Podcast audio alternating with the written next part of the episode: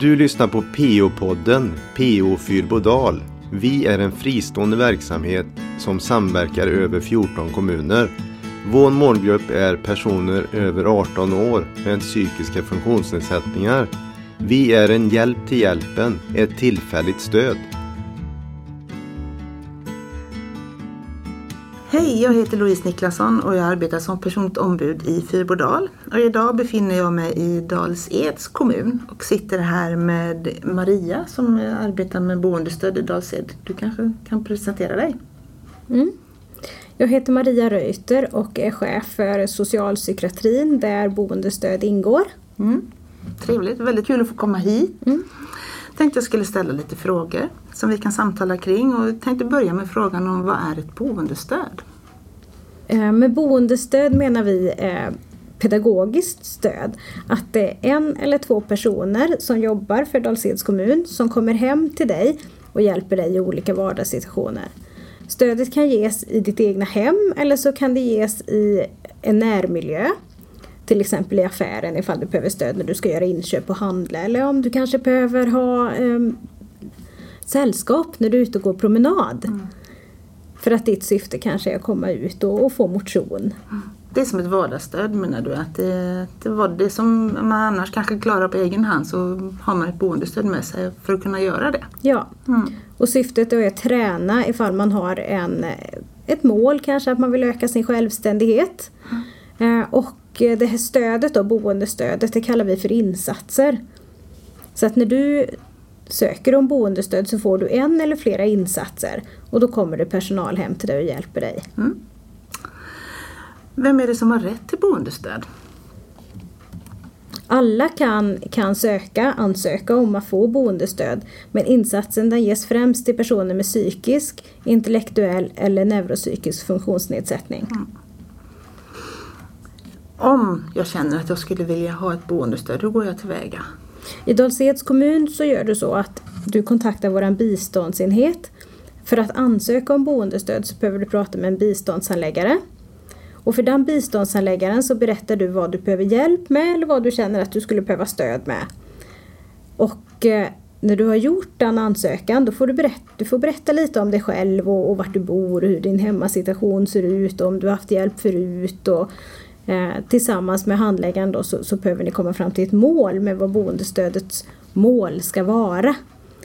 Efter det så behöver handläggaren en liten stund på sig för att utreda och se till så att du uppfyller alla kriterier och kategorier för att få boendestöd. Och sen så blir du antingen beviljad boendestöd eller så får du avslag. Okej. Behövs det något läkarintyg? Det kan det ju behövas ibland. Hur är det här i Dals-Ed när det gäller kostnader? Kostar det någonting med boendestöd? Ja, det kostar. Det kostar 337 kronor i timmen att få boendestöd. Eh, Men det kan ju också vara så att du har flera insatser från Dals kommun eh, och då betalar man en maxtaxa. Och har man, eh, det kan också vara inkomstbeprövat. Så att om det är så att man har väldigt låg inkomst så, så kan den kostnaden bli lägre än den du nämner här då? Ja, Mm. då blir den lägre. När, du, när ansökan har gjorts och, och ett eh, boendestöd har blivit beviljat, hur lång tid kan det ta innan det kommer igång?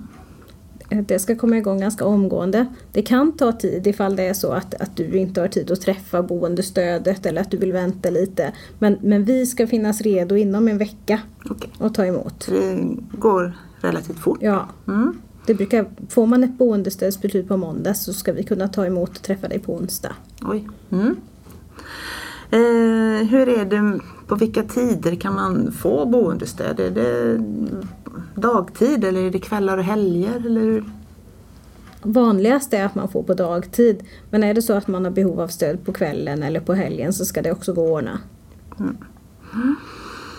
hur länge kan man ha ett boendestöd? Det kan du ha så länge du har ett beslut om boendestöd. Och ett sådant beslut när man får ett boendestöd, man kanske har eh, man behöver lite hjälp och stöd, med att komma igång med att handla, göra inköp, laga mat. Då är det tidsbegränsat och då är ju målet att man ska klara av det och göra det självständigt. Men är det så att man inte är färdig när beslutet tar, eh, tar slut så får man ansöka igen. Och är man färdig så kan man ansöka om något annat. Det kanske är så att man klarar av att handla och man klarar av att göra sina egna måltider. Men man skulle också vilja ha stöd med att komma igång och städa och röja i sin lägenhet till exempel. Ja, för du nämnde i början där att det är ett pedagogiskt stöd så jag tänker att det är ju mot en förändring till ett självständigt liv. Målet är ju inte att personalen ska göra åt det. Det kanske personalen gör i vissa situationer om man inte orkar eller väldigt mycket att göra i början för att man behöver komma igång med städ till exempel. Då hjälper personalen till. Eh, Men sen så är, är ju planen att man ska klara av att städa själv. Eh, Och då kanske det är personalen som hjälper till att göra ett schema. Vad städar man på måndag? Vad städar man på tisdag? Vad städar man på onsdag? Och kanske påminner om det skulle behövas. Ja, Mm. så att man får en, en struktur och att man får lite rutin. Mm. Du nämnde lite där att när, när eh, ja, en person klarar av att handla på egen hand och, och så här.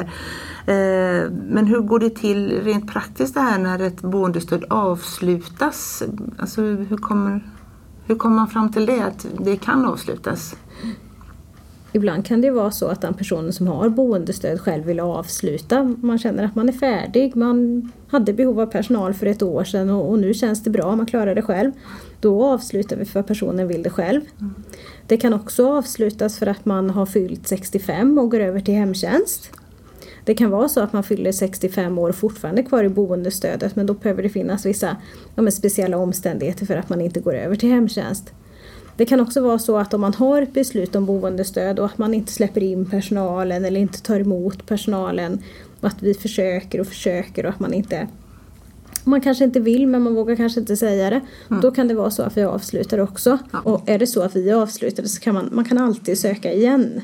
Att man känner kanske att just nu i livet är jag inte redo att ta stöd av personal. Eh, Men om tre månader är jag redo och då söker jag igen.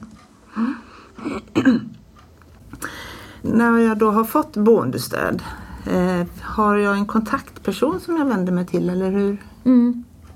Du får en kontaktperson i boendestödet. Mm.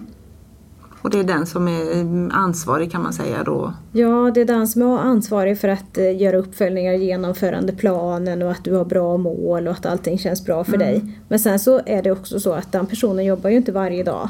Så att det är viktigt att man också känner att man kan prata med den personalen som jobbar i boendestödet även om inte din kontaktperson jobbar. Mm. Så man får ett telefonnummer och det går till arbetsgruppen och då kan det vara så att det är kontaktpersonen som svarar om den jobbar. Eller så är det någon annan personal som, som svarar.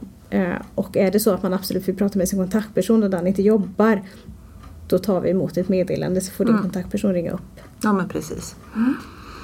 Ja. Eh, jättestort tack för att du, du tog dig tid och berättade om boendestödet i Dals-Ed. Väldigt spännande. Tack så mycket. Varsågod!